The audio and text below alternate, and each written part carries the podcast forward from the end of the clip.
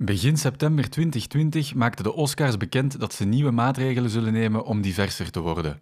Is de filmindustrie dan eindelijk aan een noodzakelijke inhaalbeweging begonnen om een betere representatie van de verschillende communities in onze maatschappij neer te zetten? Voor deze aflevering zoomden we specifiek in op de kortfilmindustrie, een onderbelichte kunstvorm die het net iets beter lijkt te doen, onder andere op vlak van genderdiversiteit. Hey, hallo en welkom bij de eerste aflevering van het tweede seizoen van In the Lift, de podcast van Focus en Smart Media Agency, waarin ik jonge ondernemers spreek over tal van thema's en waar jij in het beste geval iets van kan opsteken of geïnspireerd door raakt. Deze keer ging ik in gesprek met Niels Putman en hij vertelde me alles over de kortfilmindustrie en genderrepresentatie binnen de filmwereld. Ik ben Niels, uh, ik ben 28, ik woon in Antwerpen en ik ben vooral actief binnen de kortfilmwereld, voornamelijk als hoofdredacteur van zowel kortfilm.be als Talking Shorts en daarnaast ook als soms curator, soms uh, journalist en als coördinator van Shorts on Conference. Uh, voilà, dus ik ben vooral met heel, veel, heel vaak met films bezig. Goeiedag, Niels Putman. Hallo. Welkom uh, bij, bij, ja, bij het tweede seizoen van, uh, van In de Lift, de eerste aflevering. Uh, ik vind het best een, een bijzonder moment, moet ik zeggen. Ik weet niet of dat jij dat gevoel met mij ook deelt. Ik, uh, ja, ik weet niet waarom dat jij het bijzonder vindt, maar ik vind het ook bijzonder. Ja, ja omdat het lang geleden is natuurlijk okay, dat, we, dat we opgenomen hebben. Eerste, seizoen van, eerste aflevering van een nieuw seizoen, dat is ja. toch iets bijzonders. En nog eens wat mensen zien, dat is ook vreemd. Nog eens mensen zien is inderdaad ook vreemd, weliswaar op afstand en met een plexischerm ertussen. Maar exact. het is beter dan, dan niets inderdaad, dan thuis te zitten. Heb je ooit al in een podcast gezeten? Uh, wel, nee. Het is een allereerste keer. Dus ik vind het ook wel spannend. Maar ja. ja. we zullen wel zien, zeker. Ja, ja. Zijt jij een podcastmens? Want jij hebt net al wat in je pitch gehoord. Je bent een filmman. Ja. Maar luistert je ook veel podcasts? Ik luister af en toe naar podcasts. Ik ken, alleen, er zijn mensen in mijn vriendengroep die dat veel vaker doen dan ik. Maar uh, ik luister vaak naar de correspondent. Die hebben hele goede podcasts. Uh, en af en toe wat filmgerelateerde podcasts. Maar eigenlijk moet ik zeggen dat als ik naar podcasts luister, dat die dan vaak niet filmgerelateerd zijn. Dan, heb ik, dan luister ik eigenlijk vooral naar bijvoorbeeld goede gesprekken van de correspondent. Het gaat heel erg over meer wereldproblematiek en filosofie ook een beetje. Dus dat. Oké, okay, en, ja. en, hoe komt dat? dat je, is, dat? Is dat bewust dat je dan niet die film opzoekt? Of? Ja, ik denk wel dat dat zo... Uh, dat is niet mega bewust, maar dat zal wel onbewust zoiets zijn dat ik dan even toch ja, invloeden van iets anders wil krijgen. Als een, ik, ik, ja, dat is wel fijn om dan even input te krijgen van dingen die totaal buiten, of toch vaak buiten mijn werkveld liggen. Ja, dat snap ik. Inspireert ja. dat ook? Of? Ja, heel vaak. Uh, allee, de beste of de, de, de, de meest goede podcasts zijn degenen die, die mij inderdaad inspireren. En de gesprekken die ik luister gaan ook heel vaak over racisme en wit privilege en dat soort dingen. En, en gendergelijkheid. En dat is wel iets. Dat inspireert mij wel, of dat, dat beïnvloedt mij wel, omdat dat mij een, gewoon een andere point of view geeft en mijn wereldbeeld verruimt en mij breder laat kijken naar thema's waar ik, dat ik misschien al wel mee bezig ben, maar waar dat je volgens mij ook niet kunt stoppen met dingen bij te leren. Mm. Het is altijd wel goed om een ander standpunt te horen. Zelfs al is dat misschien een standpunt waar je totaal niet mee eens bent, is gewoon altijd, dat verruimt u sowieso. En ik denk dat dat dan misschien onbewust of indirect wel in een werk sluipt. Ja, ja standpunten ja. horen die niet uh, overeenkomen met je eigen standpunt. Dat is misschien nog inspirerender dan mm -hmm. alleen maar bevestigen wat dat je zelf al denkt of zo. Uh, te horen ja, te inderdaad. Ja, absoluut. Ik ga ook even kaderen. We zitten op onze eigen kantoren en naast ons uh, is een gigantische werf. Af en toe zou het kunnen dat we wat geklop of gezaag of zo horen. Uh, maar normaal gezien zou dat wel beperkt moeten blijven. Dus uh, voilà. Niels, ik heb je daarnet een filmman genoemd. Dat is misschien uh, een beetje een term die wat afbreuk doet aan wat dat jij allemaal exact doet. Ja. Dus wie beter, denk ik dan, om even nog eens kort op te sommen met wat dat jij precies allemaal bezig bent dan, dan jezelf. Ja. Ja, het is een opsomming inderdaad, dat zeg je dat wel juist. um, ik ben onder andere bezig met kortfilm.be, dat is een online kortfilmmagazine. Uh, het enige in Vlaanderen dat gespecialiseerd is in korte film. Daar ben ik de hoofdredacteur en coördinator van. Um, daarnaast hebben we een soort van, maar dat is pas sinds 2020, dus sinds vorig jaar is er ook Talking Shorts, wat eigenlijk een soort van Engelstalige versie... Kort gezegd is het een Engelstalige versie van, van kortfilm.be, maar het staat nog heel erg in de... Uh, kinderschoenen. Daarnaast werk ik ook voor, of coördineer ik Short Film Conference. Wat dan eigenlijk een netwerk is van festivals, maar ook distributeurs, agentschappen die allemaal met kortfilm bezig zijn wereldwijd. En dan uh, werk ik ook nog voor een castingbureau from time to time. En uh, sinds kort uh, ben ik ook betrokken bij het team van Torino Short Film Market. Dat is een evenement eigenlijk in november in Turijn in Italië. Eigenlijk een soort van beurs, maar dan voor kortfilms. En daar doe ik dan mede communicatie en zo van. Dus dat zijn... Ben ik iets aan het vergeten? Ik weet het niet.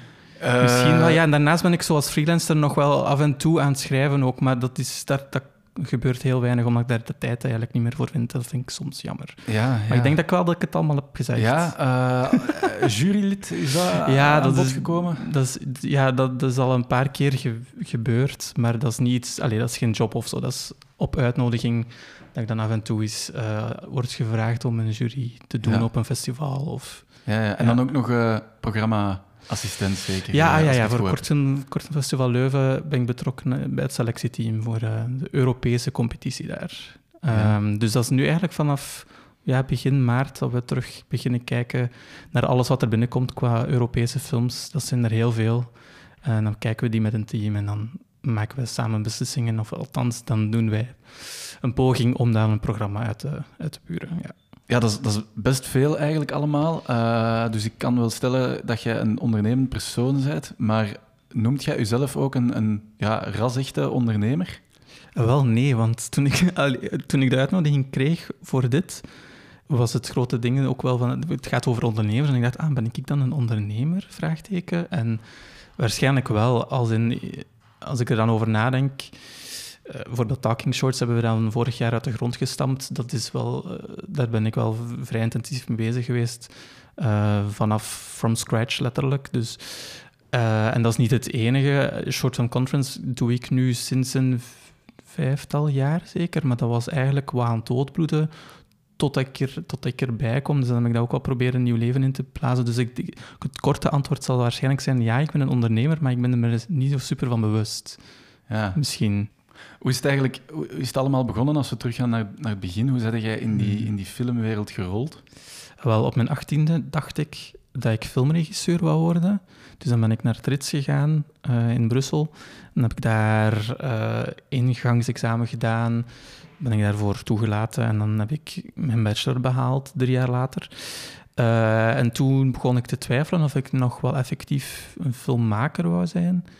Ik had ook het gevoel dat het reeds mijn beeld over cinema ergens een beetje had beperkt of zo. Dat, dat misschien dat ik daar een beetje met oogkleppen in die, in die richting daar ben uitgekomen. En dan vond ik het een goed idee. En dan vind ik het nog altijd heel fijn dat ik dat heb gedaan. Ben ik naar uh, de UA, heb ik de richting, de master eigenlijk, filmstudies en visuele cultuur, ben ik die gaan doen. En dat heeft totaal, allee, dat heeft mijn beeld op cinema helemaal weer opengetrokken. Wat ik super fijn vond. En daar heb ik ook wel ontdekt dat het film maken niet per se nog de ambitie was, maar dat het analyseren of het schrijven over film, dat ik dat minstens of misschien zelfs interessanter vind dan het film maken. En dat is een beetje hoe ik daar dan ben ingerold. Ik was tijdens het rits ook al wel bezig. Allee, ik denk dat ik toen al wel voor kortfilm.be was beginnen schrijven, schrijven, gewoon als redacteur. Dus ik was daar wel al mee bezig met films kijken en dan recenseren. En bon, als we die teksten nu gaan teruglezen van zoveel jaar geleden, dat gaan we niet doen, want dat trekt waarschijnlijk nog, nog op niks. Maar, um, dus zo ben ik daar wat ingerold en bon, dan is dat blijven rollen. En ja, voilà, en nu zitten we hier zeker. Ja, ja. En wat was er dan, wat was hetgeen dat u zo aansprak in dat analyseren en schrijven over films eerder dan het maken van films? Ja, dat is een, dat is een goede vraag.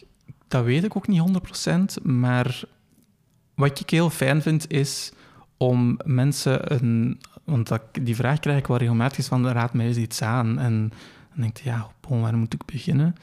Maar ik vind dat wel leuk om daar dan over na te denken en om mensen films aan te raden en op die manier te programmeren of te cureren.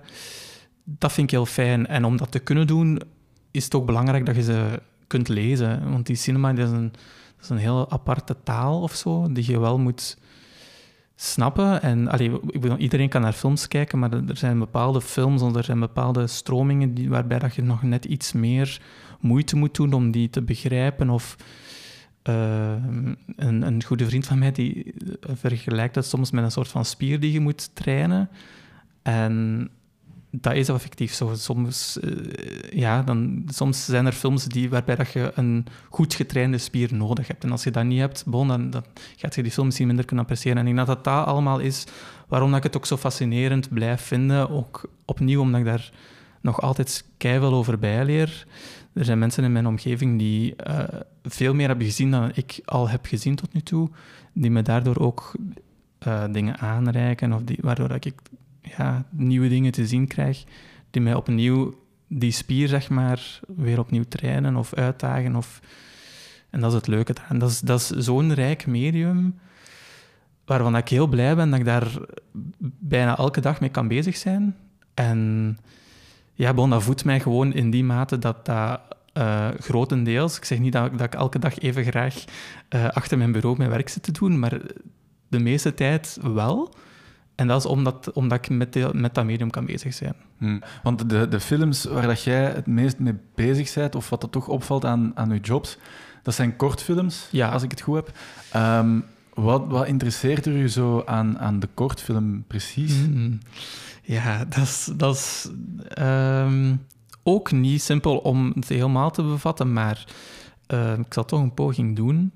Die kortfilm is een soort van in een, in een wordt altijd gezien als iets wat dan minder is dan een langspeelfilm. En dat is jammer, want uiteraard iedereen die ermee bezig is, die vindt dat natuurlijk niet. En dat is ook niet, omdat ik, ik heb het gevoel dat de kortfilm, dat er meer kans is voor een kortfilm om dingen te proberen, om te experimenteren, om dingen te gaan opzoeken, om totaal van los te komen van de conventionele regels van cinema.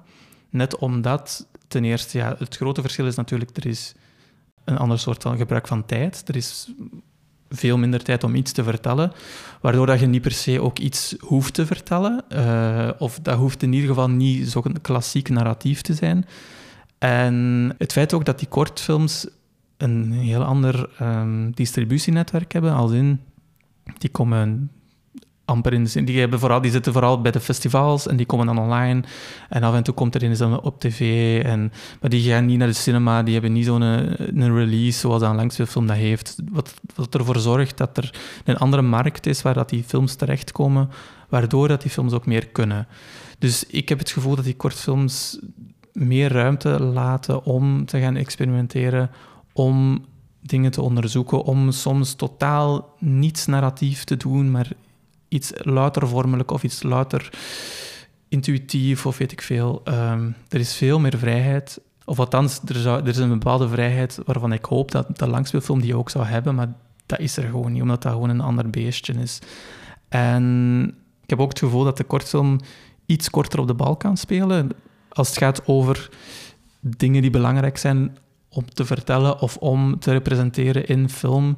Er zijn veel meer kortfilms die thema's behandelen waarvan ik hoop dat die heel snel ook door uh, langspeelfilmregisseurs of gewoon door filmmakers worden behandeld in een langspeelfilm. Um, en dat komt ook opnieuw, denk ik, door dat distributienetwerk. En uh, ja, voilà. Oké, goed. Daar wil ik het, het straks graag uh, nog wat meer over hebben of wat ja, dieper op ingaan. Um, in België zijn er gigantisch veel kortfilmfestivals, denk ik. Of toch wel een heel aantal. Een, een goed aantal, Een goed aantal. Hoe, hoe doet België op, uh, het opvlak van de kortfilmwereld? Ja, heel goed eigenlijk de laatste paar jaar. Allee, het is moeilijk om, om dat in cijfers uit te drukken of zo, maar als we kijken naar wat, wat, wat voor prijzen dat wij winnen en welke selecties dat we binnenhalen met de films op uh, dat, heet, dat noemen we dan uh, A-list festivals, zowel in Cannes als in Toronto, San Sebastian, dat soort festivals, echt grote festivals, waar wij toch elk jaar, niet elk jaar, maar uh, toch regelmatig films hebben in de selectie en dan ook prijzen krijgen. En bijvoorbeeld de kortfilm van Anthony N.T., die nu op de shortlist van de Oscars ook staat, die heeft een, een, een, een, zot parcours achter de rug. Allee, dat is het levende bewijs dat we daar echt wel goed bezig zijn. Hm, hm. Ja, Heb je die film van eh Anthony NTI? Spreek ik dat, zeg ik het zo goed? Ja. Eh, ja ik denk Ja. het wel. Heb je die al gezien toevallig ook? Of, eh, Ja, ja, ik heb die eh, uiteraard gezien. Ik heb die gezien, denk ik, er is een première gegaan tijdens Filmfest Gent. Eh, dus niet vorig jaar, maar het jaar daarvoor.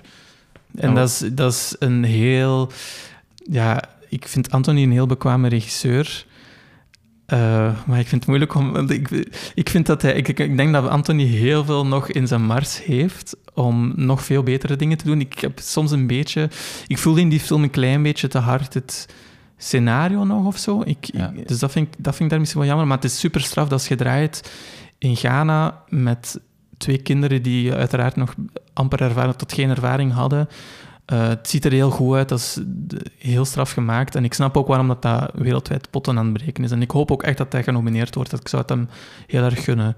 Maakt de kans dan volgens u ja? Ik, wel, ik denk het wel eigenlijk. Ik vind dat, dat is super moeilijk om te voorspellen. Eh allee, die, die kortfilms worden ook nu gestemd door de Academy. En, en het ding daar is een beetje dat die Academy, dat- de kans dat die alle meer dan 7000 mensen al die kortfilms gaan kijken, dat- we gaan daar niet over belachelijk over doen. Dat is heel klein dat die, die, dat die die moeite gaan doen. Maar Hm.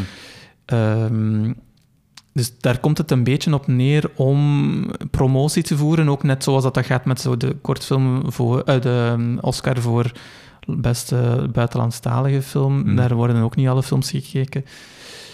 Eh Toekoer gaat het over promotie voeren. En ik denk, los daarvan heeft hij het voordeel... ehm, hij is eigenlijk bekroond geweest op vier... Vier, vier Academy Awards, omdat ik iets Engels wou zeggen, dat Voilà, het er al in zat. Hè. Ehm, vier Academy Award Qualifying Festivals. Dus ik denk dat, dat ze daar ook nu heel erg aan het uitspelen zijn in de PR-campagne. En, ehm, en dat dat wel echt in zijn voordeel gaat. Ik, zo, ik hoop het heel erg, ja. Ja, ja oké, cool. Ik ben, eh, ik ben benieuwd. Ik heb hem zelf nog niet gezien. Ik weet ook niet of dat, dat zomaar gaat voor... eh, Je kunt hem eh, via Vimeo, denk je, kunt je hem bekijken. Ah, Dan moet Kijk. je iets van 3 euro betalen of zo, en dan kun je hem Ja, maar kijken. dat is geen geld ook niet tegenwoordig. Nee. Zeker niet. Je zei er net ook al vier. het, het Engelse, het internationale zit er, wel, zit er wel in, want je werkt ook super internationaal. Ehm, hè, je hebt Canada vernoemd. eh, ik denk Polen heb ik ook zien staan op uw website. Eh, Ja. Griekenland.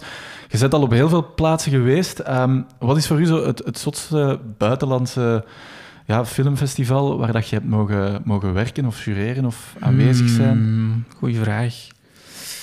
Ja, eh, het zal heel erg te maken hebben met, met het land waarin dat het... Maar ik vond het heel bijzonder om naar Iran te kunnen gaan. Uite- Uiteindelijk twee keer al. Omwille van totale cultuurclash. Eh, ik was nog nooit in het Midden-Oosten geweest. Dat was Hmm. de allereerste keer. En dat is mij keihard bevallen. Ehm, dus... Ja, zeg maar, sorry. Nee, ja, eh, dat, dat is denk ik een van de dingen die mij op dit moment het meest bijblijft. Ik ben nu al een paar keer naar Canada kunnen gaan, maar dat is altijd... ehm, ik ben één keer naar Quebec City geweest en twee keer naar Saguenay, wat ook, al, ook in, de, in Quebec is eigenlijk. Hm. Dus ik heb daar nog maar een deeltje van gezien. En het jammeren dan aan, aan dat soort tripjes is dat je dan heel vaak eh, je wat opgesloten voelt op dat festival natuurlijk, want je wilt heel graag meer zien dan, dan enkel het festival. En dat probeert je dan wel te doen, maar de tijd is altijd beperkt. En, ehm, maar ik denk dat Iran en Canada voorlopig nu wel eh, ja, bovenaan staan. Van, Ja, ja. ja je, je zei daarnet uh, bij Iran ook die, die cultuurclash. Um, merk je dat dan ook binnen die filmindustrie, dat het daar helemaal anders aan toe gaat? Of... Ja, wat, wat ik daar heel frappant vond, was dat de films die geselecteerd werden, dus internationale films, die, werden, ja, die worden keihard gecensureerd ook. Dus, en het grappige was ook, en dat was een beetje een fout van dat festival, dat die dat pas, de filmmakers zeiden, vijf minuten voordat die film vertoond werd in de zaal. Dus dat is, dat is iets wat dat ze hopelijk nu beter aan het doen zijn, want we hebben Ja. daar wel een opmerking over gemaakt. Um, maar dus die, die, worden gecensureerd, dus er waren films bij. Ik snap dan ook niet goed waarom dat die geselecteerd werden, maar er was, ik herinner mij één animatiefilm die ging over, uh, over nonnetjes die seks hebben, allee, of die, die op zoek gaan naar manieren om seks te hebben.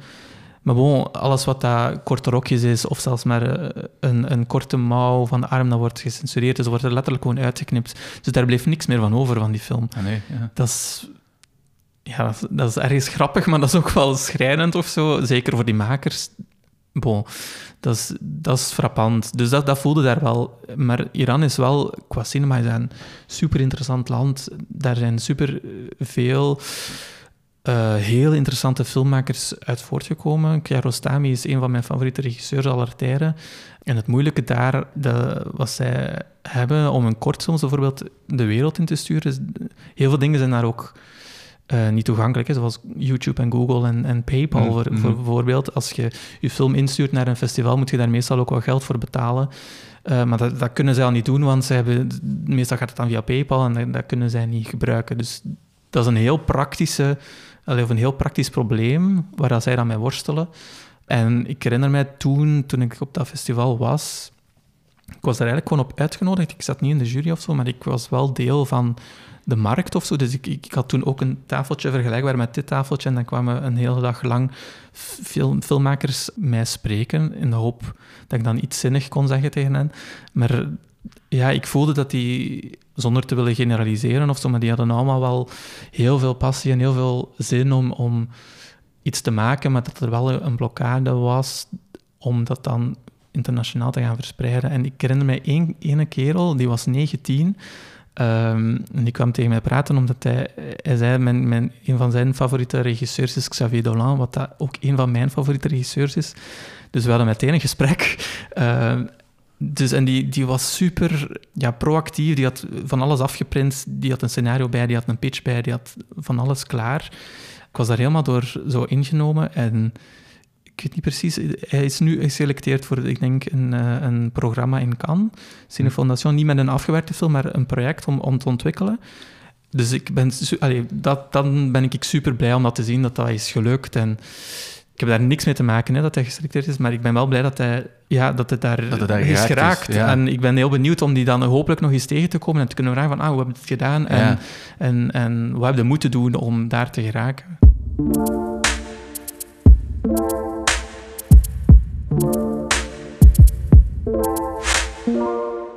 Het is tijd voor uh, een nieuwe rubriek in deze podcast. Even tussendoor heet hij, uh, geschreven FFF afkappingstekens tussendoor. Um, drie grote F'en. De drie F'en van financiën, falen, of alles wat met falen te maken heeft. En familie, maar ook in de breedste betekenis van het woord. Dus uh, zelfgekozen familie, mensen die we heel nauw aan het hart liggen. En uh, over elke F stel ik gewoon een vraag. Uh, en voilà, omdat het kan, ja. Okay. laten we beginnen met de eerste, die van financiën. Um, hoe, hoe zit het eigenlijk voor alles waar dat jij mee bezig bent op, allee, op financieel vlak bedoel ik dan? Uw, uw websites bijvoorbeeld, worden die gesubsidieerd? Of, of... Uh, Korte.be heeft, heeft subsidies uh, van het Vlaams Audiovisueel Fonds. Uh, dus we zijn daar gesubsidieerd. Voor Talking Shorts zijn we nog aan het zoeken naar uh, subsidies binnen Europa dan. Nu, Talking Shorts heeft het voordeel dat dat een project is dat ontstaan is vanuit verschillende festivals die op hun beurt gefinancierd worden door Creative Europe. Dus voilà, Short Film Conference heeft geen subsidies, dus daar werken we eigenlijk enkel met een ledenbijdrage. Okay. Uh, elk lid betaalt 60 euro per jaar. We hebben uh, nu om en bij de 100 leden, dus voilà, je kent ons jaarbudget. dat is heel weinig. Ja. Um, dus uh, ja, dat, is het ding. Uh, dat zijn allemaal heel fijne dingen om te doen, maar het geld is daar heel schaars. Um, ik heb al uh, wat, dingen als curator mogen doen en ook daar, dat is vaak ofwel pro deo ofwel voor een nabekrats. En ehm, daar zit ook een limiet op hoor. Allee, het is niet, ik, ik ga niet heel mijn leven dingen blijven doen voor weinig tot geen geld. Maar het hoort er denk ik helaas een beetje bij hmm. binnen die cultuursector. Ja. Uh, maar het is niet dat jij nu de afgelopen maanden of weken eh, het uh, gemerkt hebt dat je het met veel minder moet doen, als in voor uw websites dan, dat uw websites kortfilm.be bijvoorbeeld veel minder subsidies krijgt. Nee, gelukkig niet. er, zijn, ja. er, zijn, er zijn geen dingen geschrapt tot nu toe. Dus okay. in tegendeel, er, waren ook, er was ook de mogelijkheid om aangifte te doen als je echt wel financiële instroom werd verloren, om dan uh, een soort van noodsubsidie hmm. te krijgen. Um, dus gelukkig is dat nog niet geweest. Okay. Er zijn er die er erger aan toe zijn. Ja, ja. Dan is de beurt, of tijd voor de, de tweede F, die van eh, falen of alles wat dat met falen te maken heeft. Heb jij ooit in je carrière echt al zoiets compleet om zeep geholpen of zo? compleet om zeep niet, denk ik. misschien dat er mij dan iemand gaat tegenspreken. Ik ben aan het denken, hè, misschien is dat wel gebeurd en heb ik het dan uh, verdreven in mijn... proberen weg te stoppen in mijn geheugen, maar... Uh, mm... Of zo nog nooit een film gecureerd of zo die echt door niemand goed werd onthaald? Ja, maar dat waarschijnlijk wel, maar dat ga ik waarschijnlijk gewoon niet weten. Ah, oké. Ehm, kijk, ik heb een masterfilm gemaakt waar ik zelf helemaal niet tevreden uh, meer over ben en toen eigenlijk ook niet was. En dat is wel een ding, zonder er een therapiesessie van te willen maken, maar waar ik wel even heb moeten doorbijten of zo, om dat niet te hard op mezelf te nemen of dat ook niet te bepalend te laten maken of zo. Dus ik zie dat wel altijd nog steeds als iets dat ik... Ik denk dat dat toen eigenlijk, dat ik dat te snel heb willen doen allemaal. En er waren te veel dingen bezig en ik had daar meer tijd moeten, moeten voor nemen. Ik denk ook heel vaak, ik ben nu 28, eigenlijk zou ik nu naar de filmschool moeten gaan. Ik heb nu iets meer levenservaring, misschien nog veel te weinig, maar in ieder geval meer dan een 18-jarige. Ik denk dat dat allemaal dingen zijn, bon, daar kun je uren over nadenken van waarom is dat dan fout gelopen. Hè? Maar dat is iets wat ik wel jammer vind. En allee, er zullen ook kleinere faalmomenten geweest zijn, als in is alles wat dat met publiek spreken te maken heeft, schrikt mij enorm af. Dus alles als zet me op een podium en ik blokkeer allemaal. En zo zijn er zeker ook momenten geweest dat ik misschien niet de juiste dingen zei of gewoon totaal uh, naast de kwestie sprak of zo. Maar los van die kleine dingen is, dat, is die masterfilm wel zoiets dat ik denk, shit, mm. dat had ik eigenlijk anders moeten aanpakken of dat had beter gekund. En... Maar bon. Voilà, en dan de F van, uh, van familie, de zelfgekozen familie ook. Zijn er mensen in uw leven um, die er altijd voor u zijn geweest of zijn, ook bij het ondersteunen van uw carrière? Ja, heel veel eigenlijk. Maar uh, sowieso mensen in mijn, mijn gezin slash uh, dichte familie. Dus mijn ouders zijn er altijd geweest, mijn broer ook. Als in, dat was voor hen ook, alleen voor mijn ouders dan was dat helemaal ook niet evident dat ik plots filmschool wilde gaan doen. En zelfs überhaupt studeren in een stad als Brussel, dat was nogal ver van een bed of zo. Oké. Okay. Um, maar die hebben daar eigenlijk nooit een ding van gemaakt. En die zijn mij altijd blijven steunen. Die hebben mij, dus zowel financieel, maar ook um, door dan met mij een vrachtwagen vol te laden met decorspullen en dan naar, helemaal naar Brussel komen rijden daarmee en, die, en dan de set te maken voor iets dat super last minute moest opgenomen worden, dat soort dingen. Dat is altijd geweest. En ja, ik heb ook heel veel uh, dichte vrienden. Als in heel, ik zeg heel veel, maar eigenlijk heb ik ik ga, ik ga niet tellen, ik ga ook geen namen noemen, maar er zijn um, heel wat mensen die, ik, die gewoon heel dicht bij mij staan. En ik denk dat die mensen weten wie dat die zijn. En daar ben ik heel dankbaar om. En je zegt ook, eh, bij je inleiding heb je het ook over zo'n gekozen familie. En dat is, dat is uh, allez, hoe moet ik het zeggen?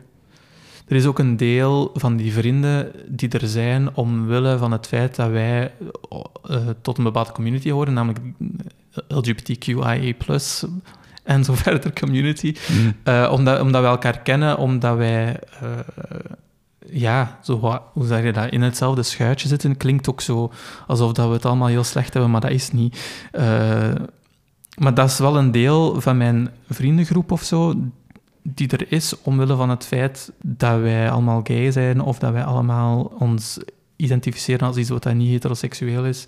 En dat is zo'n aspect, dat, ik vind dat nog altijd heel moeilijk om uit te leggen van... Want dat klinkt allemaal heel, wel zo wat wollig of zo misschien, zo'n gekozen familie. En hoogstwaarschijnlijk iedereen die niet uh, gay is, dus waarschijnlijk gewoon heteroseksueel is, die zullen, zullen ook wel een soort van vorm van gekozen familie hebben. Maar zo het idee van chosen family is binnen de community wel een, iets wat, dat aanwezig is mhm. en waar dat wij ons aan optrekken of zo op een manier.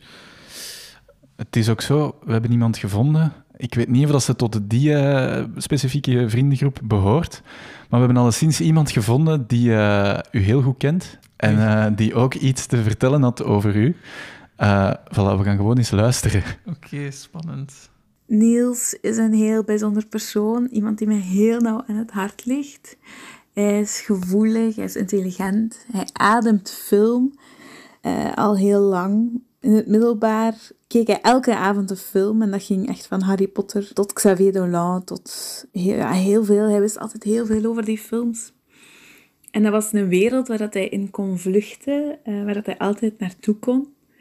En dat is zo mooi om te zien dat zoveel jaar later dat er nog altijd iemand drijft, dat die passie ambitie wordt. En ja, dat maakt mij heel gelukkig. zijn lovende woorden. Ja, dat zijn lovende woorden. Dat tricky van u eigenlijk. Uh, tricky van mij, wie, uh, wie hebben we zo net te horen Ja, dat was Femke. Dat is uh, makkelijk gezegd mijn beste vriendin. Okay. We kennen elkaar sinds het middelbaar, waar wij samen uh, woord, toneel, drama, voordracht, wat is het allemaal deden. Um, ja, dat is, dat is heel fijn om haar te horen, eigenlijk als want we hadden gisteren afgesproken om te skypen slash zoomen, maar het is er niet van gekomen, dus nou, nu hoor ik haar toch. Ja, dat is fijn. Um, ik weet niet goed wat ik erop wil zeggen, maar... Uh, er moet niet altijd iets op gezegd worden, nee, natuurlijk. Ja. Um, maar dat is wel iemand, want je vroeg van, ik weet niet of ze binnen die cirkel hoort, ja, dat is iemand die absoluut uh, binnen mijn meest nauwe cirkel behoort. Ja. En ik heb daar gewoon... Uh, dat is zo iemand... Wij kunnen elkaar bijvoorbeeld dan weken niet horen, dat gebeurt niet vaak, maar dat is, als dat zou gebeuren, en dan komen we bij elkaar en dan is het alsof dat er geen tijd is voorbij gaan of zo. En iemand waarbij dat ik gewoon 100% mezelf kan zijn, en dat heb ik bij niet veel mensen helemaal niet. Uh, maar bij haar kan ik, kan ik gewoon in de zetel ploffen en babbelen of niet babbelen, stil te laten of niet, dat maakt er allemaal echt niet uit. En dat apprecieer ik heel erg. En dat is ja, vrij tot zeer zeldzaam. En mm. daarom koester ik dat ook wel heel erg. Ja. Mm. Geeft u dat ook eh, meer zelfvertrouwen, het feit dat zij zo'n dingen over u en uw carrière zegt? um, ja, ja, ja. ik twijfel om ja te zeggen, omdat ik... Omdat zelfvertrouwen is iets super moeilijk, omdat ik daar heel erg mee worstel of zo. Dat is wel echt zo mijn grootste boeman of zo. Dat is iets waar okay. ik de laatste paar jaar... Allee, paar jaar, dat zal iets zijn wat dat altijd al is geweest, maar ik ben daar de laatste twee jaar, laten we zeggen, wel op heel erg concreet mee aan de slag. En dus ja, dat helpt mij wel. Dat helpt mij nu. Maar ik ben er sowieso zeker van dat dat... Uh, ik ga die woorden niet vergeten zijn morgen, maar de impact dat dat mij heeft, gaat ook heel snel weg of zo. Dat is, ja, ja, ja. dat is moeilijk om dat vast te houden, omdat die onzekerheid of zo, of dat, is, of dat twijfelen aan jezelf, omdat dat zo overheersend is.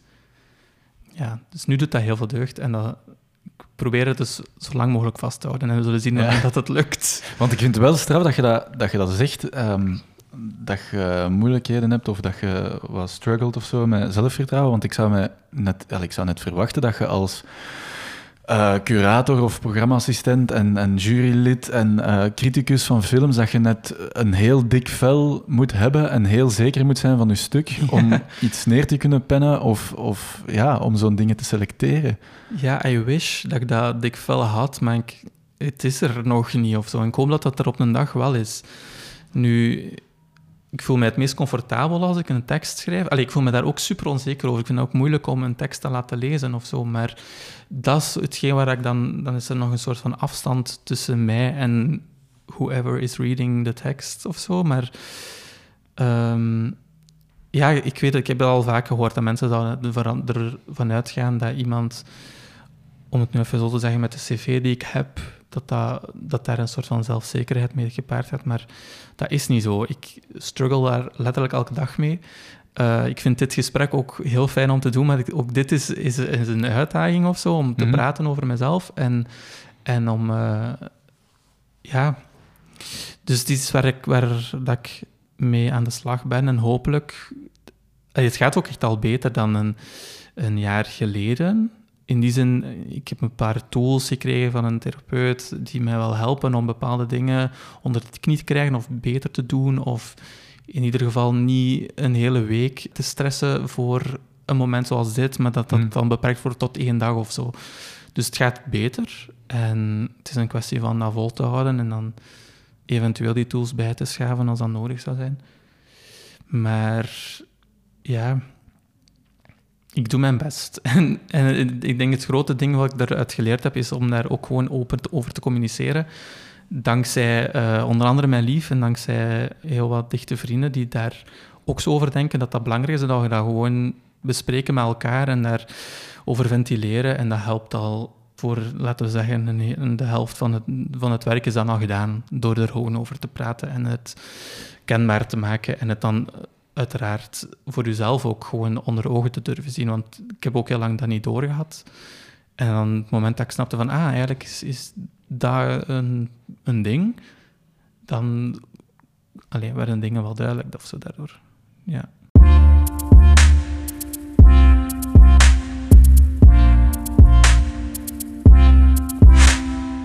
Ik las ook op uw, op uw website dat je een, een bijzondere interesse hebt, en we hebben het daar net ook wel wat kunnen horen um, toen het over uw vriendengroep ging, maar um, je bent enorm geïnteresseerd in, in queer en feminist cinema, staat er op uw website. Uh, ik denk dat de meeste mensen wel familiair zijn of, of weten wat feminisme is.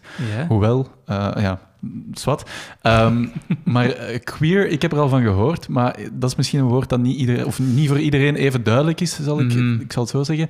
Um, kunt jij misschien uw betekenis van het woord queer en misschien ook de queer culture die daarachter schuilt, is, ja.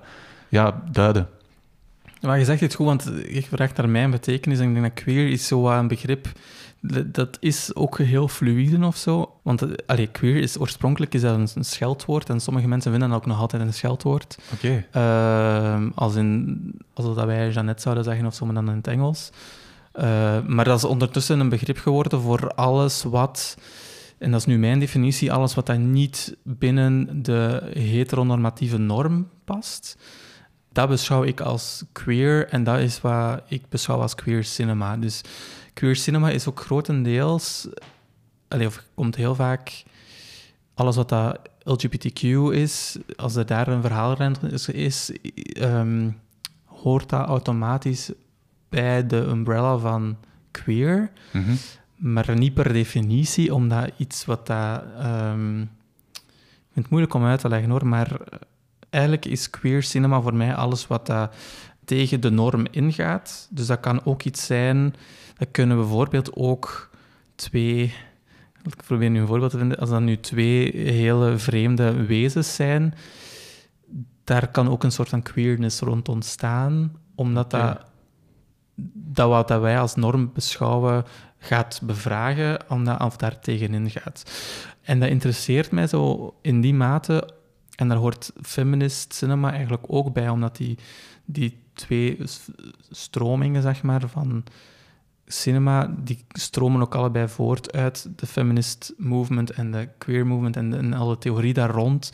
En die horen eigenlijk heel dicht bij elkaar, omdat zij ook vanuit het feminisme gaat ook net die norm gaan bevragen. Alles wat daar uh, male gaze is, uh, dat gaan onderzoeken. Dus dat zit allemaal een beetje in, in datzelfde vaarwater of zo. En ja, ik vind het moeilijk om, te, om uit te leggen waarom dat, dat mij per se, um, of net precies, zo interesseert. Maar ik merk wel dat ik er automatisch bij terecht kom. Um, dat dat de verhalen zijn of dat dat de films zijn die mij aantrekken. En ik denk dan, ja, net omdat ze, denk ik, die norm die wij hopelijk, denk ik, ondertussen allemaal zo beug zien zijn misschien, uh, dat ze die norm gaan bevragen en daar mee aan de slag gaan. En om plus, in, in, want queer is niet alleen queer cinema, queer is iets heel breed, maar als we het echt over cinema hebben, heeft queer cinema het, het voordeel dat ze ook de, alles wat dat wij kennen qua conventies binnen cinema of binnen film, dat ze daar ook mee aan de slag kunnen gaan. Uh, op een soort van meta-manier of zo. Dus... Mm -hmm. En wat ik aan het begin zei, is het begrip op zich is fluïde. Als in mijn interpretatie van queerness is mogelijk anders dan die van een ander. Uh, maar het, het, is tegelijkertijd een, een, een soort van, kan een identiteit zijn. Het kan tegelijkertijd ook een paraplu-term zijn voor veel verschillende dingen. En dan nog denk ik dat queer cinema voor mij mogelijk anders is dan wat queer cinema voor iemand anders is. Ik denk dat heel veel mensen queer cinema relateren aan alles wat uh, homo, lesbienne, biseksueel, alles daar, al die verhaallijnen. verhaallijnen uh, maar het is voor mij ook breder dan dat. Alles wat dat een beetje de norm ondermijnt, hoort daar voor mij ook thuis. En het feit dat dat zo fluïde is, maakt het net zo interessant, want dan blijf je er ook over praten, zoals dit antwoord ook super lang duurt. Ja. blijf je er ook gewoon over nadenken van wat is het nu precies en wat hoort erin thuis en hoe is het al geëvolueerd doorheen de jaren ook. Mm. Dat ook al. Uh, dus voilà. En wat is het antwoord op die vraag? Je stelt eigenlijk bijna zelf mijn volgende vraag. Uh, want, want gaat het ook over eh, genderdiversiteit en gelijkheid dan? Ja, dat zit daar sowieso ook in. Alles wat daar weggaat van het binair denken, zit, zit volgens mij ook onder die paraplu. En er is zoiets als wat we labelen new queer cinema, dat sinds de jaren negentig is een soort van stroming um, waar dat we ondertussen al wat zijn uitgegroeid. Want die oorspronkelijke New Queer Cinema had een soort van underground, uh, avant-garde gevoel of zo. Mhm. Dus niet per se voor het brede publiek bedoeld, maar heel veel van die queer cinema vandaag de dag, ik denk bijvoorbeeld spontaan aan dingen als Call Me By Your Name, zijn net heel erg voor een groot publiek bedoeld. En heel specifiek in dat geval van Call Me By Your Name, ik vind dat moeilijk om dat een queer, queer film te noemen, omdat het net... Allee, het, is bijna voor de hetero-kijker geschreven, omdat er bijna... Er is bijna niks dat de norm ondervraagt. Mm. Oké, het zijn twee mannen die verliefd worden op elkaar, maar verder zijn er weinig dingen die moeilijk zijn of dus ik, ja, om, om uh, Call Me By Your Name echt een queer film te noemen, daar heb ik vragen bij. Maar dat maakt het interessant, want volgens mij zijn er heel veel andere mensen die denken, oh ja, maar dat is dan toch de queer film sinds de laatste jaren bij uitstek. En dat durf ik dan te bevragen, maar dat is een andere discussie. Ehm, en ik denk die term, ik, ik, ga daar geen jaartallen op plakken, dus pak mij daar niet op. Maar uh, ik denk dat dat sinds de jaren 70, jaren 80 is dat we die term zijn gaan gebruiken. Maar uiteraard zijn er films gemaakt die daarvoor kwamen, die dan ook gelabeld kunnen worden als queer, um, maar dan in retrospectieve, uh, hoe zeg je dat, retrospectieve beweging of zo. Hm. Ja, want uh, wat ik mij ook afvroeg is, um, ja, hoe komt dat volgens u dat er specifiek een genre queer en feminist cinema bestaat of zo? En ik bedoel daarmee is dat omdat zij of omdat die groep van, van mensen uh, niet genoeg gehoord wordt of zo, of nog niet genoeg gehoord? Of uh, is het gewoon een genre dat gemaakt wordt dat plezant is om naar te kijken, net zoals een goede actie of een goede comedy? Nee, ja. ja, ik denk dit komt wel echt voort vanuit een soort van. Uh, ja, activisme is misschien iets te groot woord, maar toch, het komt wel vanuit een, een gevoel voort van ja, gerepresenteerd willen worden en en nogmaals, die norm te ondervragen, want die norm is zo beperkt of zo beperkend, daaruit komt het wel. Hm. Dat is ook dat, dat avant-garde gevoel waar dat het, eh, waar dat het uh, mee ontstaan is, denk ik. Van oké, we moeten hier een soort van countercinema creëren die alles wat dat wij nu als conventioneel en Hollywoodiaans beschouwen, wat heteroseksueel en wit is, dat moeten we, daar moeten we vanaf. En daar is het uit ontstaan. En nu gaat het hopelijk allez, gaat het breder dan dat alleen. Dus dat is een mooie, mooie evolutie. Um, maar dus dat zit, het, is niet, het is niet een genre als een actiefilm of, ja, of zo. Het is echt wel... Eh, er, er, zit een beweging, eh, een beweging en een theorie achter die veel breder gaat dan dat.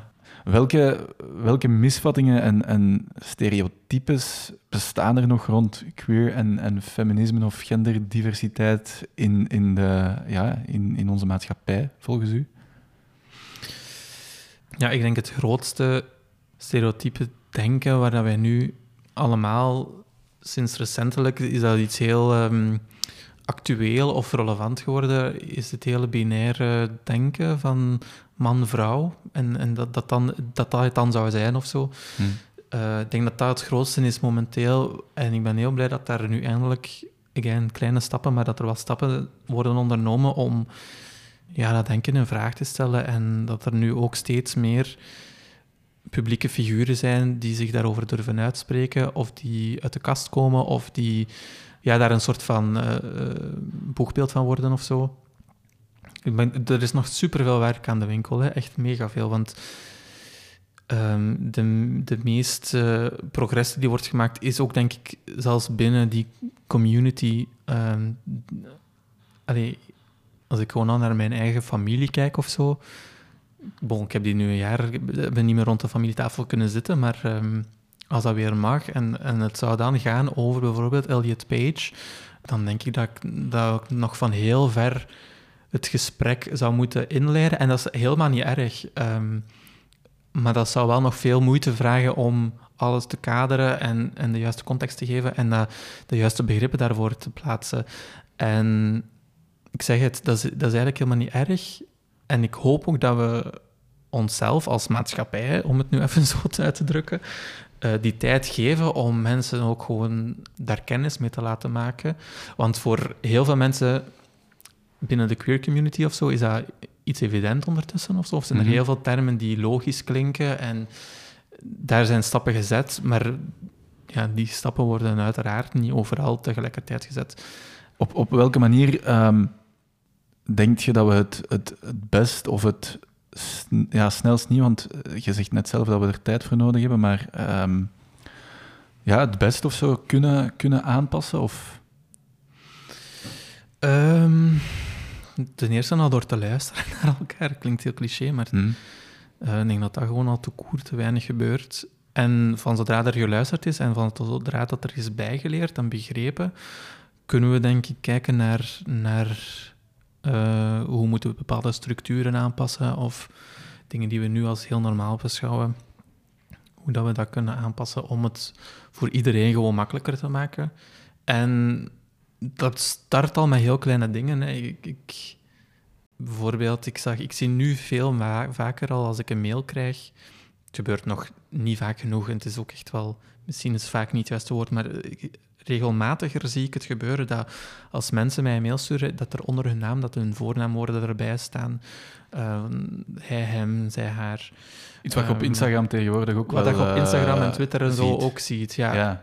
Eh, maar het feit van dat in je e-mail-handtekening te zetten, of ook in Zoom-gesprekken, dat mensen dat gewoon even achter hun naam zetten, dat zijn superkleine dingen waarmee dat we het voor een hele groep mensen veel makkelijker maken. Ehm, dus zo'n dingen normaliseren, denk ik, dat zijn dingen die we nu al kunnen doen. Ehm, want stel dat mensen totaal niet op de hoogte zijn van waarom doen we dat überhaupt, misschien dat die e-mailhandtekening dan wel een vraag oproept en dan beginnen daarover te praten en eh, voilà. En dan is het gesprek begonnen en dan Hmm. verandert er hopelijk iets. En dat zijn denk ik de dingen waar dat we nu mee bezig moeten zijn. Hm. Ja. Oké. Je bent ook eh, momenteel een, een onderzoek aan het voeren, eh Ja. een short film conference. Wat onderzoeken jullie precies? Want het heeft ook te maken met gendergelijkheid, als ik het goed Ja, heb. hè? ja. dus we zijn nu eigenlijk aan het onderzoeken ehm, hoe het gesteld is met de ja, gendergelijkheid binnen de kortfilmindustrie. Omdat er is heel vaak... ehm, lezen wij cijfers over hoeveel vrouwelijke filmmakers of non-binaire filmmakers er zijn, te koer. Eh, maar dat gaat dan heel vaak over langspeelfilms. En wij hebben altijd het gevoel, eh met wij bedoel ik mensen in de kortfilmindustrie, dat het bij ons qua gendergelijkheid net iets beter is. Omdat wij het gevoel hebben dat er heel veel vrouwelijke filmmakers afstuderen en prijzen winnen en geselecteerd worden, et et cetera. Maar die cijfers bestaan niet om dat te kunnen staven. Dus dat is nu een beetje het onderzoek dat we aan het voeren zijn. We proberen nu met zoveel mogelijk kortfilmfestivals de data te verzamelen, want dat is op zich al een hele grote stap, om dan het idee dat wij hebben te kunnen hard maken. En misschien mispakken we ons daarin en misschien blijkt dat we helemaal niet zoveel beter het aan het doen zijn, maar dan weten we dat ook en dan kunnen we dan op zoek gaan naar manieren om het beter te doen en te zien van waar moeten we bijschaven of eh, toch inclusiever denken. ehm voilà. Waarom is dat zo belangrijk dat, ehm, dat die cijfers en dat die data er is en dat die vergelijking dan ook gemaakt kan worden met dan de langspeelfilmindustrie of zo? Dat is een goede vraag. Ik denk dat het vooral belangrijk is, omdat we dus te koer denken we, en dat is ook zo, er zijn te weinig vrouwen als regisseur ehm, aan de bak. En daar kunnen verschillende redenen voor zijn. Ehm, dat is iets anders. Maar we hebben het gevoel dat, omdat die kortfilm toch nog vaak wordt gezien als een soort van tussenstap naar langspeelfilm, waar ik mij persoonlijk heel erg tegen verzet, tegen dat idee. Maar het is wel zo dat dat een groot deel van kortfilmmakers vaak studenten zijn. Dus vaak een hele grote uitstroom uit, ehm, uit de filmscholen. Dus stel nu dat wij dat onderzoek voeren en daaruit blijkt dat de cijfers bij ons effectief gunstiger zijn, dan denk ik dat we ons wel de vraag kunnen gaan stellen, oké, waar loopt het dan fout? Waarom wordt die stap van kortfilm naar langspeelfilm zo bemoeilijkt voor vrouwen? En dat is belangrijk om te onderzoeken, omdat dat, zoals ik eh, een tijd geleden al zei, dat dat twee andere beestjes zijn. Die kortfilmwereld, daar is minder geld mee gemoeid, daar zijn andere belangen mee gemoeid dan die langspeelfilm. En als daar een discrepantie op zit tussen gender, allee, op het vlak van gendergelijkheid, ja, dan moeten we ons vragen beginnen stellen van, heeft dat dan met geld te maken? Heeft het, met wat heeft dat dan te maken? Ja, ja. Dus ik denk dat daarom is dat dat belangrijk is dat we, dat we die cijfers onderzoeken. En we zullen zien wat daaruit voortkomt.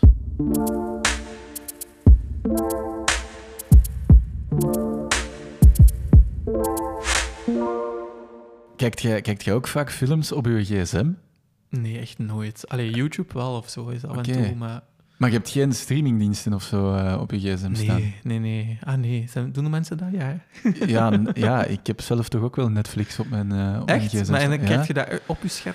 Ja, ja, op de trein of zo, als je je verveelt. Ah, nee. Eh, Oké. Ik wil daar totaal niet zo eh, elitair over doen, maar ik, ik, heb dat gewoon niet... En Maar dat dat- lijkt mij ook moeilijk om dat te kijken. Om dan, kijk ze dan echt een film. Ja, Als in een- ja, of een serie of zo. Ja, eh, ja, ja, ja. Dat is oké. Ja, Oké, ik u. heb het niet. Nee, oké. En, en, en ehm, streamingdiensten, hoe staat je daar tegenover?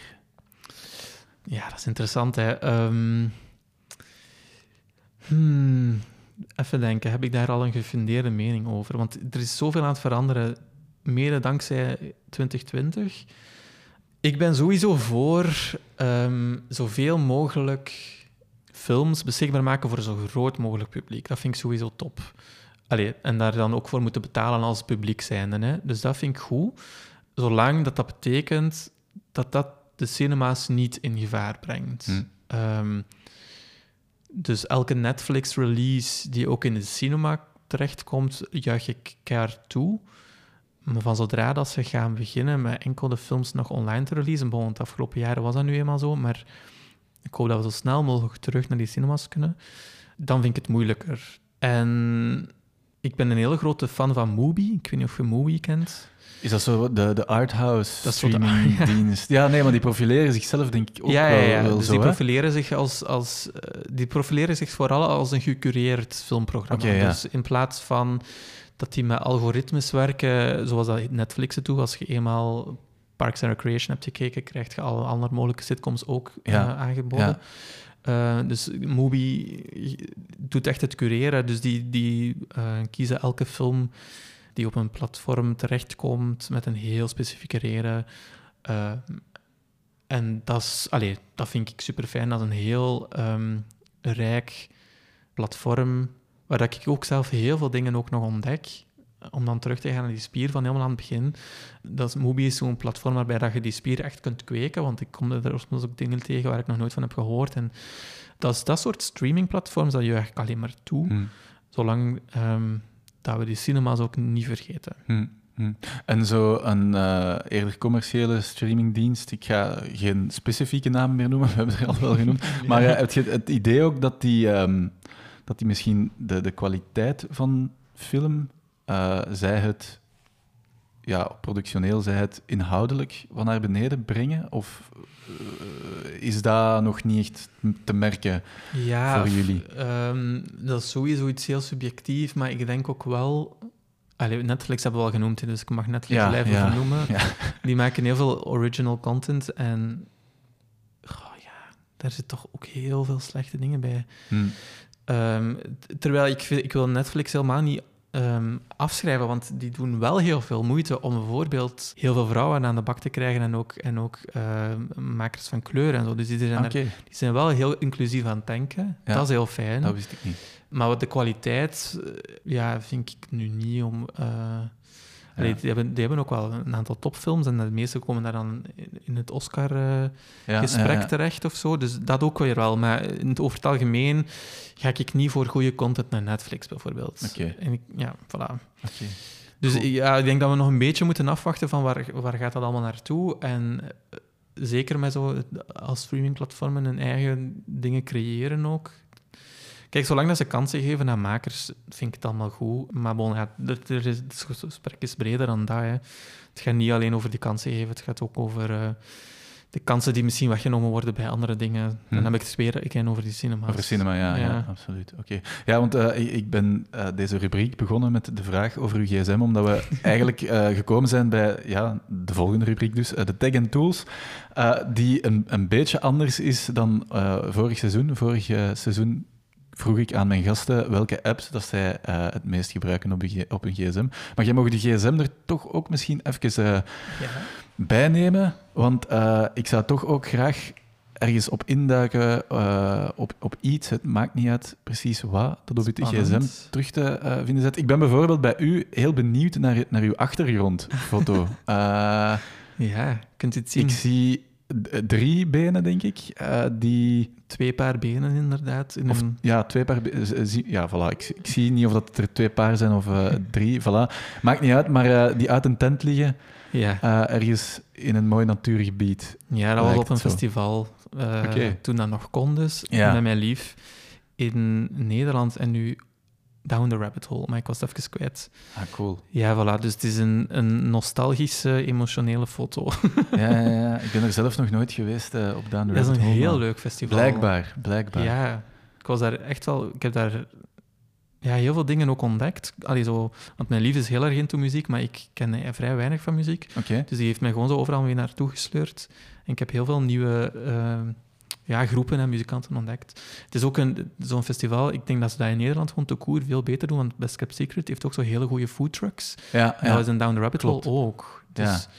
Wat dat in België En, eigenlijk alleen zo wat Couleur Café ah, wel, ja, ik weet het zo ja. niet goed. De tijd dat ik naar Rockwerchter ging en Pukkelpop en zo, dan was dat zo... Frieten met dan Ja, voilà, Ja, ja. dat. Dus ja, Oké. ja voilà. En, en waarom precies die foto als achtergrond?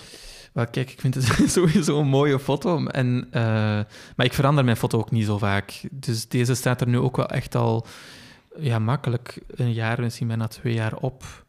Nu, ik vind het ook wel goed als je er goed naar kijkt. De beentjes zitten net onder mijn icoontjes van mijn apps. Ja.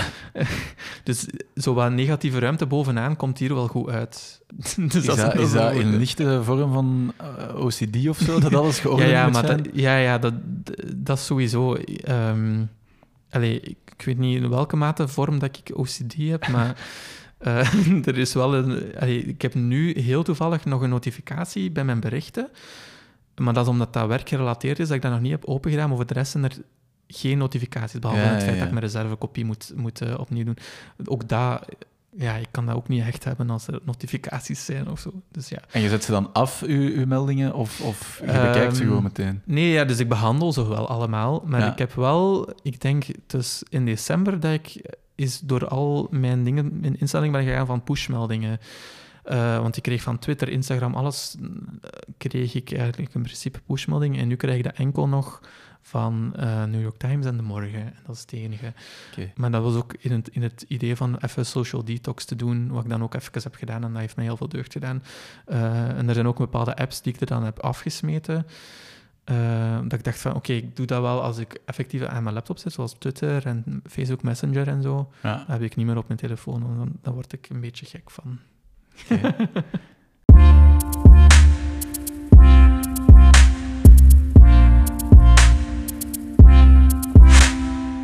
Hoe kijkt je naar, naar eh, onze generatie op, op vlak van ja, die gender-issues? Is, uw, is uw blik op onze generatie positief? eh Wacht, wat, is onze generatie? Ja, Want- de, de millennial. eh ja, de- tegenwoordig zijn er zoveel verschillen. Er Ja, ja, om de vijf jaar is al klopt. een andere generatie. Ja, ja. Ehm, nee, ja, ik denk dat we dat goed aan het doen. En, allee, ik denk dat wij een generatie zijn die het probeert dingen aan te pakken en dingen te veranderen waar dat nodig is om dingen te veranderen. Dus ik ben wel blij om tot mijn generatie te behoren. En ik hoop vooral dat de generatie die achter ons komt en die daarna komt, dat die minder werk moeten doen daarvoor. Eh, dat het dan allemaal al iets eh, platgelegder is en dat het allemaal al eh, iets eenvoudiger is. Dat hoop ik. Dus ik ben wel trots op mijn generatie. Hm. Zijn, wij, zijn in uw ogen al ehm, open-minded of zo genoemd? Want ik, eh, genoeg, sorry. Want ik denk dat het, dat het daar ook wel mee te maken heeft. Eh, de- Ik zit heel erg in een bubbel van mensen die super open-minded zijn. Dus Ja. ik vind het ook moeilijk om te zeggen van zijn wij als generatie, want er zijn, allee, er zijn ook mensen van mijn leeftijd die totaal aan de andere kant ten opzichte van mijn bubbel staan of zo. Mhm, Die, mhm. die heel radicale ideeën hebben waar ik totaal niet mee eens kan zijn en ook niet snap dat mensen zo kunnen denken. Dus ergens voel, ben ik ook wel zo wat, voel ik mij zo wat blessed of zo dat ik in zo'n bubbel zit. En ik hoop jij ook. Want de stappen die we zetten, ik hoop dat we gewoon geen stappen terug zetten. Ehm, want dat is ook wel een ding. Allee, eh, om, ik wil nu niet super politiek worden, maar er zijn stappen gezet en met Trump en met alle mogelijke andere radicaal extreem rechtse ehm, regeringsleiders Mhm. heb ik het gevoel dat we alleen maar mega grote stappen achteruit aan het zetten zijn. En ja, en dat is een golf en, dat, en we zijn die golf ook allemaal aan het meemaken. En, en ook dingen die er in Polen gebeuren, dan denk ik van, oeh, maar dat is hier, dat is hier vlakbij. Hè. Dat, is, Mhm. dat is echt vlakbij. En dan denk ik, wow. Dus ja, eh, pff, ehm, maar bon, ik heb, 1 januari heb ik beslist dat ik hoopvol ging zijn, ook over alles. Dus laten we hoopvol blijven. Ja, precies. Ehm, ja.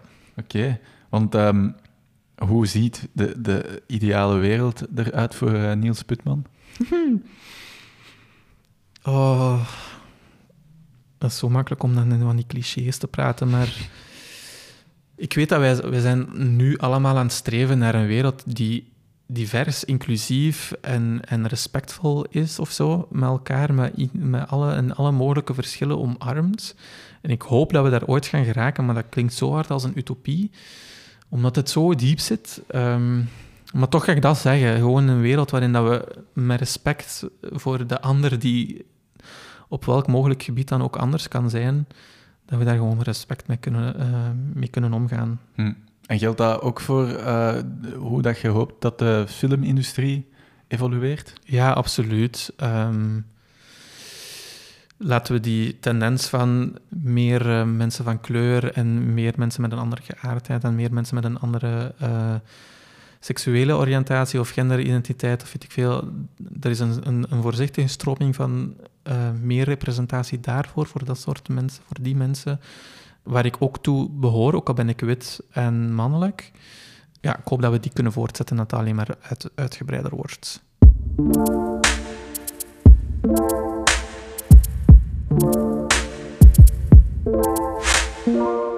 Vorig seizoen ehm, vroeg ik al mijn gasten om een, een quote of een, eh, een advies of zo mee te brengen naar dit gesprek. Ehm, we hebben dat nu een beetje aangepast. Niels, ik heb u gevraagd om uw mantra of eh, ja, een soort van levensmotto eh, mee te Ja. pakken naar hier.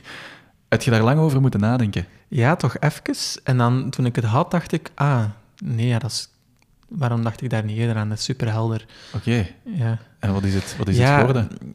Een echt mantra zou ik het ook niet noemen, maar ehm, ik heb ooit Agnès Varda ontmoet, heel kort. Dat is een, eh, die is ondertussen helaas overleden, maar dat is een Franse regisseur, gelijk mij geboren in België, eh, waar ik enorm naar opkijk.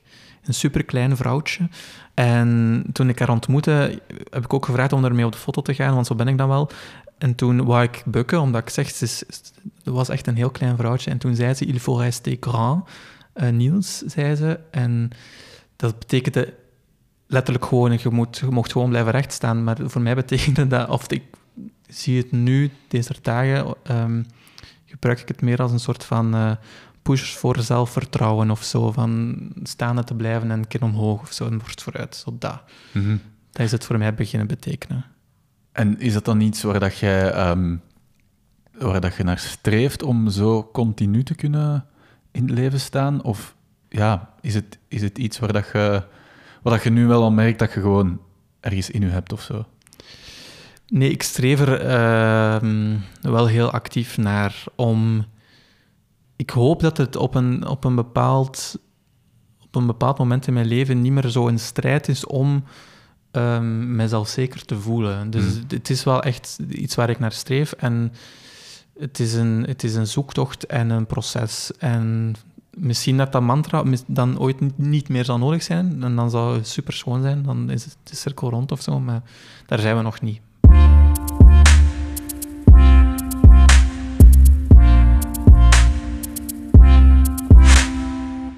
Niels, het zit er, het zit er bijna op. Bijna. Uh, maar eerst pikken we nog onze startersketting uh, terug op. Want ook de laatste gasten van, uh, van ons eerste seizoen, Sigrid en Paul, die hebben een vraag gesteld. Ah, en het lot heeft dan ja, besloten dat dat, dat dat een vraag voor u is geworden. En die vraag luidt... Iets wat mij altijd enorm interesseert als ik met andere ondernemers praat, is wat voor impact ondernemen psychologisch op hun leven heeft gehad en hoe dat je daarmee omgaat? Amai. Moeilijke vraag. Um, ik denk dat het ondernemen, om het dan zo te, te noemen, um, ervoor heeft gezorgd dat, het, dat ik mij uh, waardevol of zo noem, voel. Um, dat, dat, ik het gevoel heb dat ik iets kan betekenen, ook al is dat heel klein en heel um, binnen, een bepaalde, binnen een bepaald gebied of zo, maar ik denk dat dat het is, hetgene is wat dat mij dat heeft gegeven. Het gevoel hebben dat, het, dat wat ik doe, dat dat toch iets is van belang en dat dat iets kan um, betekenen voor iemand anders. Um, ja, dat. Oké, okay. dat is uh, een, mooi, een mooi antwoord. Um, en dan heb ik nog één laatste vraag voor u. En dat is, uh, wat zou jij graag van onze volgende gast te weten willen komen? Wel, ik merk bij mezelf, en ik denk dat heel veel andere mensen, en ik denk ook vooral de mensen die hier de, langskomen bij de podcast, uh, nogal ja, nadenken over de toekomst en waar wil ik staan binnen x aantal jaar. Maar ik vraag me af aan de persoon die nu na mij komt, um, wat wilt je bereikt hebben voor het einde van dit jaar? Gewoon op korte termijn. Um, Oké. Okay. Voilà. Van waar, van waar die, die vraag? Omdat ik mezelf betrap om um, zo na te denken over, ja, maar binnen dit jaar en, en binnen zoveel jaar en dan dat en dan dat. Terwijl ik denk, oké, maar laten we rustig zijn en, en jaar per jaar zien. En op zo'n kortere termijn van één jaar nadenken kan iets meer betekenen soms dan de lange termijn. Oké, ik, ga de, ik ga de volgende gast zeker voorleggen.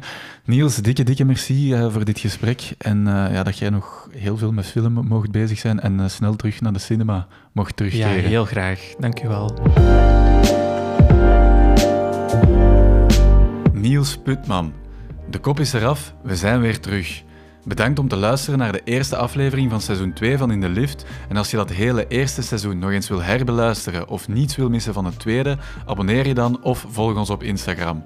Je mag ons ook altijd contacteren via ons nieuwe e-mailadres podcast.indelift.be en maak ook nog steeds gerust reclame bij iedereen die je kent. Merci en tot de volgende keer.